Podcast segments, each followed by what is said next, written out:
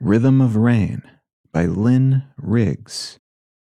Out of the barrenness of earth and the meager rain, mile upon mile of exultant fields of grain, out of the dimness of morning, sudden and stark, a hot sun dispelling the hushed dark, out of the bleakness of living, out of the unforgivable wrongs, out of the thin, dun soil of my soul, these songs only the rhythm of the rain can ease my sorrow, end my pain.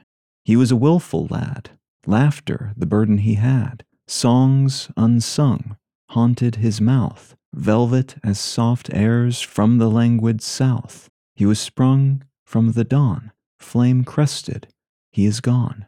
Only the lashing silver whips of the rain can still my lips Rhythm of Rain by Lynn Riggs.